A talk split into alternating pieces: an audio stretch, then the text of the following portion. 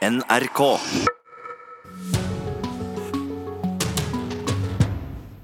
Nå blir det fredagspanel, Ugo Fermarillo. Og da blir det alltid folksomt her i Kulturnytt i Nyhetsmorgen. Vi ønsker velkommen til nykommer Cornelia Christiansen, utviklingsredaktør i Morgenbladet. Tusen takk. Gratulerer med dagen. Jo, takk. Morgenbladet fyller 200 år og kom med 200-årsutgave på, på gaten og i posten i dag. Stemmer. Eh, Blir det 200 år til? Det får vi jo håpe. Med din utvikling så blir det nok det.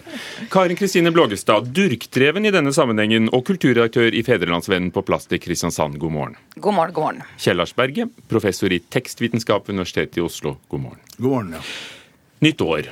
Fortsatt ganske nytt, med nye muligheter og nye nyttårstaler fra statsministeren, og først av dem alle kongen. Og i år kom han med et felles forsett. At vi i året som kommer skal møte hverandre med vennlighet. Hvis vi sammen ønsker oss et samfunn preget av respekt, på tross av uenighet, av åpenhet fremfor frykt, av varme heller enn avstand, ja, så klarer vi det. Og statsminister Erna Solberg sa at hun var bekymret for fødselstallene, og ba folk om å lage flere barn. Vårt spørsmål er bryr vi oss om nyttårstallene? Cornelia. Ja, altså Hvis vi er ment som det store vi, så er svaret definitivt ja. Kjell Arsberget. Nei, det tror jeg ikke. Karen. Ja, det tror jeg. Nei, altså, eh, Nyttårstaller det er rituelt, altså. og det, det er nok pressen som er mest opptatt av det, og liksom prøver å finne noen vinklinger de kan skrive om. Jeg tror For folk flest så betyr det ytterst lite f.eks. at Solberg oppfordrer oss til å få flere barn. Det tror jeg har ingen betydning overhodet. Det, det som jeg kan si når det gjelder kongehuset, jeg syns de er flinke til å presentere og legge vekt på gode verdier, og det gjelder jo generelt i alt det de sier. Sånn at det er på en måte en drød tråd i det kongefamiliens måte å snakke om de utfordringene samfunnet vårt står overfor. Og det nyttårstaler er bare et eksempel på mange sånne taler som de holder, så det spiller jo ingen rolle fra eller til, men de er i hvert fall gode verdibærere i samfunnet vårt, det syns jeg. Ja, nei, altså det er jo øh, det er veldig høye seertall på de her. Jeg tipper at øh, første nyttårsdag er bedre nettopp fordi folk sitter i sofaen og er slitne, men det er jo liksom 700 til nesten en million som ser dem jevnt over. Eh, Og jeg er enig at det har et rituelt element, men jeg tror kanskje at nettopp det også har, er det som gjør at folk bryr seg. Fordi vi ikke har så mye av det, da. Alltid. Trenger vi denne typen ritualer, Karin? Ja, det syns jeg. Jeg syns jo at det er viktig at vi skal heie på eh, alt som leder til debatt og til ordskifte, til refleksjon, kanskje. Og så er det jo rituelt og eh, grenser jo veldig til å være klisjétungt og pompøst. Men likevel så mener jeg at det kommer noe nyttig ut av det, eller det kan gjøre det. Så syns jeg jo kongens nyttårstale er viktigere enn statsministeren. eh, Fordi at statsministerens tale, og spesielt i år, var jo bare politikk. Det var jo bare en oppvarming og en, eh, en, en svær kjærlighetserklæring til KrF. Mens kongen står litt utenfor og, og snakker litt sånn som en sånn pappa litt oppdragende til familien sin. Og, nei, det syns jeg er ålreit. Jeg syns vi skal heie på alle ytringer som får oss til å diskutere og kjenne litt etter og tenke litt etter. Nå er det jo veldig interessant at eh, Solbergs tale i år har faktisk vakt oppsikt utenfor eh, landegrensene, og det er vel ikke så ofte. Nå har altså Aftonbladet, den svenske sosialdemokratiske tabloidavisa, kommentert talen på lederplass. Og eh, brukt den som et eh, advarsel mot norske tilstander, så her kan det skje mye i løpet av de neste dagene. Hørte du politikk og, og frieri til KrF eh, i den, Cornelia?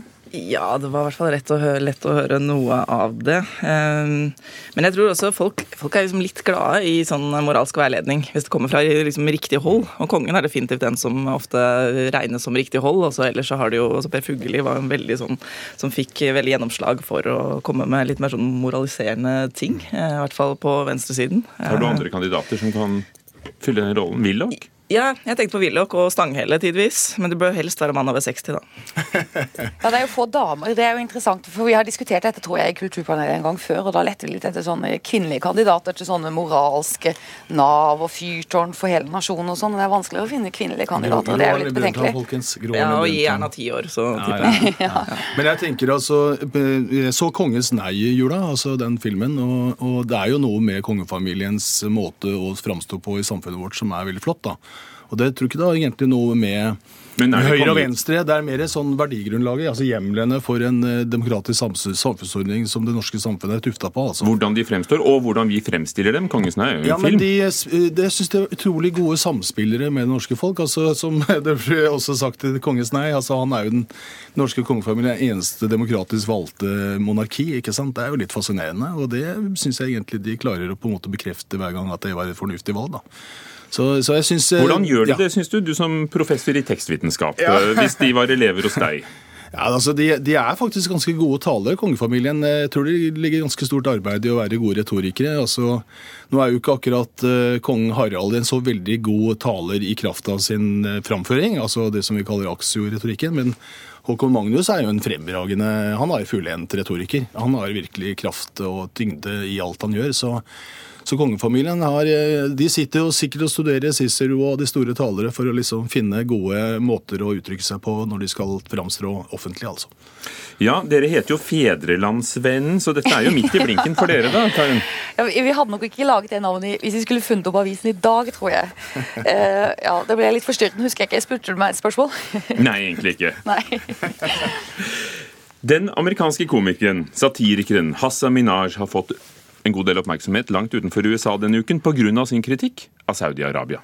Just a few months ago, Crown Prince Mohammed bin Salman, aka MBS, was hailed as the reformer the Arab world needed. But the revelations about Khashoggi's killing have shattered that image. And it blows my mind that it took the killing of a Washington Post journalist for everyone to go, oh, I guess he's really not a reformer. Meanwhile, Det måtte drapet på en journalist i Washington til før eh, folk fikk opp øynene og skjønte at eh, prinsen ikke nødvendigvis er en stor reformator. Myndighetene i Saudi-Arabia klaget, da, og dermed valgte strømmegiganten Netflix, som hadde dette på sine kanaler, å fjerne saudi-arabernes tilgang til denne episoden. Ødelegger dette strømmegiganten Netflix, som også er ganske stor her hjemme, og deres omdømme, Karen? Ja, eh, uten tvil. Cornelie? Ja. Kjell Lars? Ja, absolutt. Og da vil dere slutte å se på, da? Nei, men, men altså, det er jo ikke første gangen at eh, Hollywood og filmindustrien eh, bøyer nakken og ikke tør å gjøre ting. Dette er jo en, eh, bare en episode i mange sånne hendelser. Husk på det at Life of Brian, Hollywood turte jo ikke å finansiere filmen. Ikke sant? Det måtte jo George Harrison til Beatles til for å få den filmen ut hit, altså. Bare så det er sagt. Så hva gjør vi med det, Cornelia? Eh, nei, altså det, det er jo alltid litt vanskelig når eh, et eh, stort internasjonalt selskap skal gå inn i et land og, hvor, som er et, autoritært sted. Uh, og da ja, så er det noen som argumenterer med ja, men det kan være liksom en myk makt og en måte å liksom, formidle amerikansk kultur og verdier.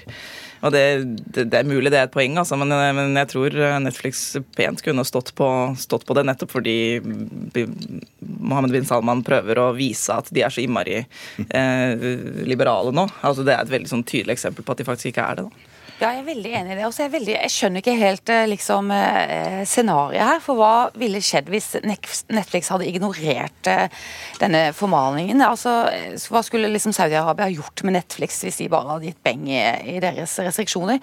Skulle liksom Saudi-Arabia eh, fengslet Netflix, eller eliminert dem, eller gitt en bot? Eller Jeg kan ikke skjønne hva Netflix egentlig har å frykte ved å stå opp for ytringsfrihet og demokrati. Invitert i cocktailselskap i et konsulat, kanskje? Ikke sant? Ja. Det sier kanskje litt om hvor eh, paranoid Saudi-Arabia er, og at det påfallende, altså den tilsynelatende liberaliseringen, da, det var jo dette med at kvinner skulle få lov til å kjøre bil, kanskje.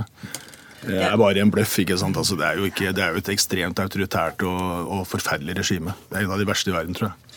Men det er jo også, altså Google har jo vært, har tatt noen runder i Kina, og det vel, var vel også Kina og Nord- Nord-Korea, Ja, eh, Krim og eh, var det siste? Ja, og Saudi-Arabia, tror jeg, som, som eh, hvor ting ja, er vanskelig. Men poenget er jo at Nei, Nei, det skal si.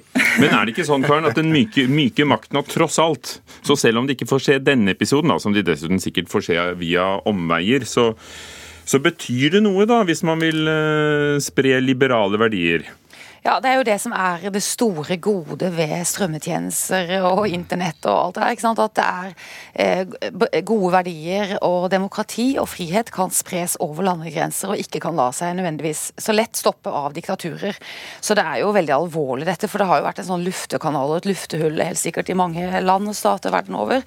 Så jeg syns Netflix hadde hatt veldig mye å vinne på å stå litt opp for ytringsfriheten, for de tjener jo gode penger på den mange andre steder i verden. Ja, altså, ja, Det som kan skje, er at de stenger nettsiden. Det, men det, det, har jo også skjedd med Google og NRK faktisk i Kina. Da, ja, mens YouTube er jo som sagt fortsatt åpent i Saudi-Arabia, så den, denne eh, er jo åpen der. Ja. Enn så lenge. Dere, nytt spørsmål. Det har vært lange køer utenfor Nasjonalgalleriet i Oslo den siste tiden. I romjulen har museet hatt nesten 2000 besøkende hver dag. Og om noen dager stenger nemlig dørene ikke bare for Harald Solberg-utstillingen, som har hatt veldig skryt også av vår kritiker, men for hele Nasjonalgalleriet, med Munch-salen, Den franske sal, historisk innredet gave fra franske stat eh, og vårt første museum i Norge. Dette fordi det skal flyttes. Kan det virkelig være nødvendig å stenge Nasjonalgalleriet halvannet år før det nye museet åpner? Kai? Ja. ja. Ja, jeg, det har jeg ikke noe med. Jeg må melde pass på det spørsmålet. Jeg har ingen mening om det. ja. Eh, du har en mening, Kjell? Ja, jeg syns at eh, det må være helt greit. Altså, dette nye nasjonalmuseet som vi får, og som mange snakker litt stygt om, det kommer til å bli helt fantastisk. jeg er ganske sikker på. Bare venter de får denne marmortoppen uh, satt på, så kommer det til å bli så lekkert som bare det. Alabast. Det kom, det kom, ja, det er ikke alabast. Det ble ikke alabast fordi det var for vanskelig. Men uh, det kommer til å bli et fantastisk museum, og vi gleder oss. Dette er sånn suspenseffekt. Bare det var ikke spørsmålet. Jo, jo, men altså, de må, de må, bygge fine, de må bygge bra utstillingslokaler. De må liksom få kunsten inn, tror jeg. Så de får planlegge litt. Ja. Det er jo veldig interessant at uh, når uh, man skjønner at det er en overhengende fare, for, eller når man skjønner at det virkelig skal stenge, så liksom rykker publikum ut av sofaene og oppsøker museet. Så det er noe med det. Vi skulle kanskje gjort sånne grep med mer kultur for å vekke folk og riste litt i dem og få dem til å forstå at de må oppsøke det og bruke det mer. Kanskje det bare er stunt? Kanskje de stenger for å få oppmerksomhet, og så åpner de igjen? Ja. ja, jeg tror det hadde vært lurt, faktisk. Men uh, altså, uten at jeg er ekspert på kunstlogistikk, så tenker jeg at hvis det var 53 000 verker de skulle flytte, og alt skulle gjennom den samme hoveddøra, så tenker jeg sånn Hvem er jeg til å si at det ikke tar ja, ikke med sant? sikkerhet osv.? Og, så ja. og så, så var det så lederen for aksjonsgruppa Redd Nasjonalgalleriet foreslo å gjøre det om natta. Og det syns jeg hørtes eh, ganske drøyt ut, både sånn HMS-messig og kostnadsmessig. Jeg syns eh, Harald Solberg-utstillingen, som jeg selv har vært og sett på, som er helt fantastisk, jeg liker han veldig godt. Ikke alt er like bra, men det som er bra, er fantastisk. Eh, den utstillingen viser at eh, det trengs nye utstillingslokaler. fordi at eh, det var ikke noe kvalitet over den utstillingen rent sånn arkitektonisk. Det tenker du også når du kommer til Uffizi-galleriene, at dette er gammelt? Ja, det, det, de, er faktisk, de er faktisk mye bedre, Hugo. Der er det mye bedre. Der ser man kunsten mye bedre enn på Nasjonalgalleriet. Det mener jeg faktisk. altså. Og jeg er ganske sikker på at det trengs et nytt galleri for å få vise kunsten i kvalitet på kunsten i Norge. Sterke meninger der, Karin? Ja, nei, Jeg er enig i det. Vi må bare glede oss over at det skal, eh, få, at det skal bli veldig bra til slutt. Og jeg har også veldig respekt for at man skal ta vare på alle disse verkene i Nasjonalgalleriet. Men hvem er, er vi uten Tidemann og Gude og, og brudeferden i Hardanger eller Munch-salen? Til 2020 så er vi helt vanlige norske nordmenn med bra kulturarv i ryggen. Hmm. Da sier vi det sånn. Takk skal dere ha, fredagspanel. Karin Kristine Blågestad, kulturredaktør i Fedrelandsvennen. Kjell Lars Berge fra Universitetet i Oslo, en kløpper på tekst og retorikk. Og Cornelia Kristiansen, utviklingsredaktør i Morgenbladet, som fyller 200 år, ja, faktisk så å si i dag.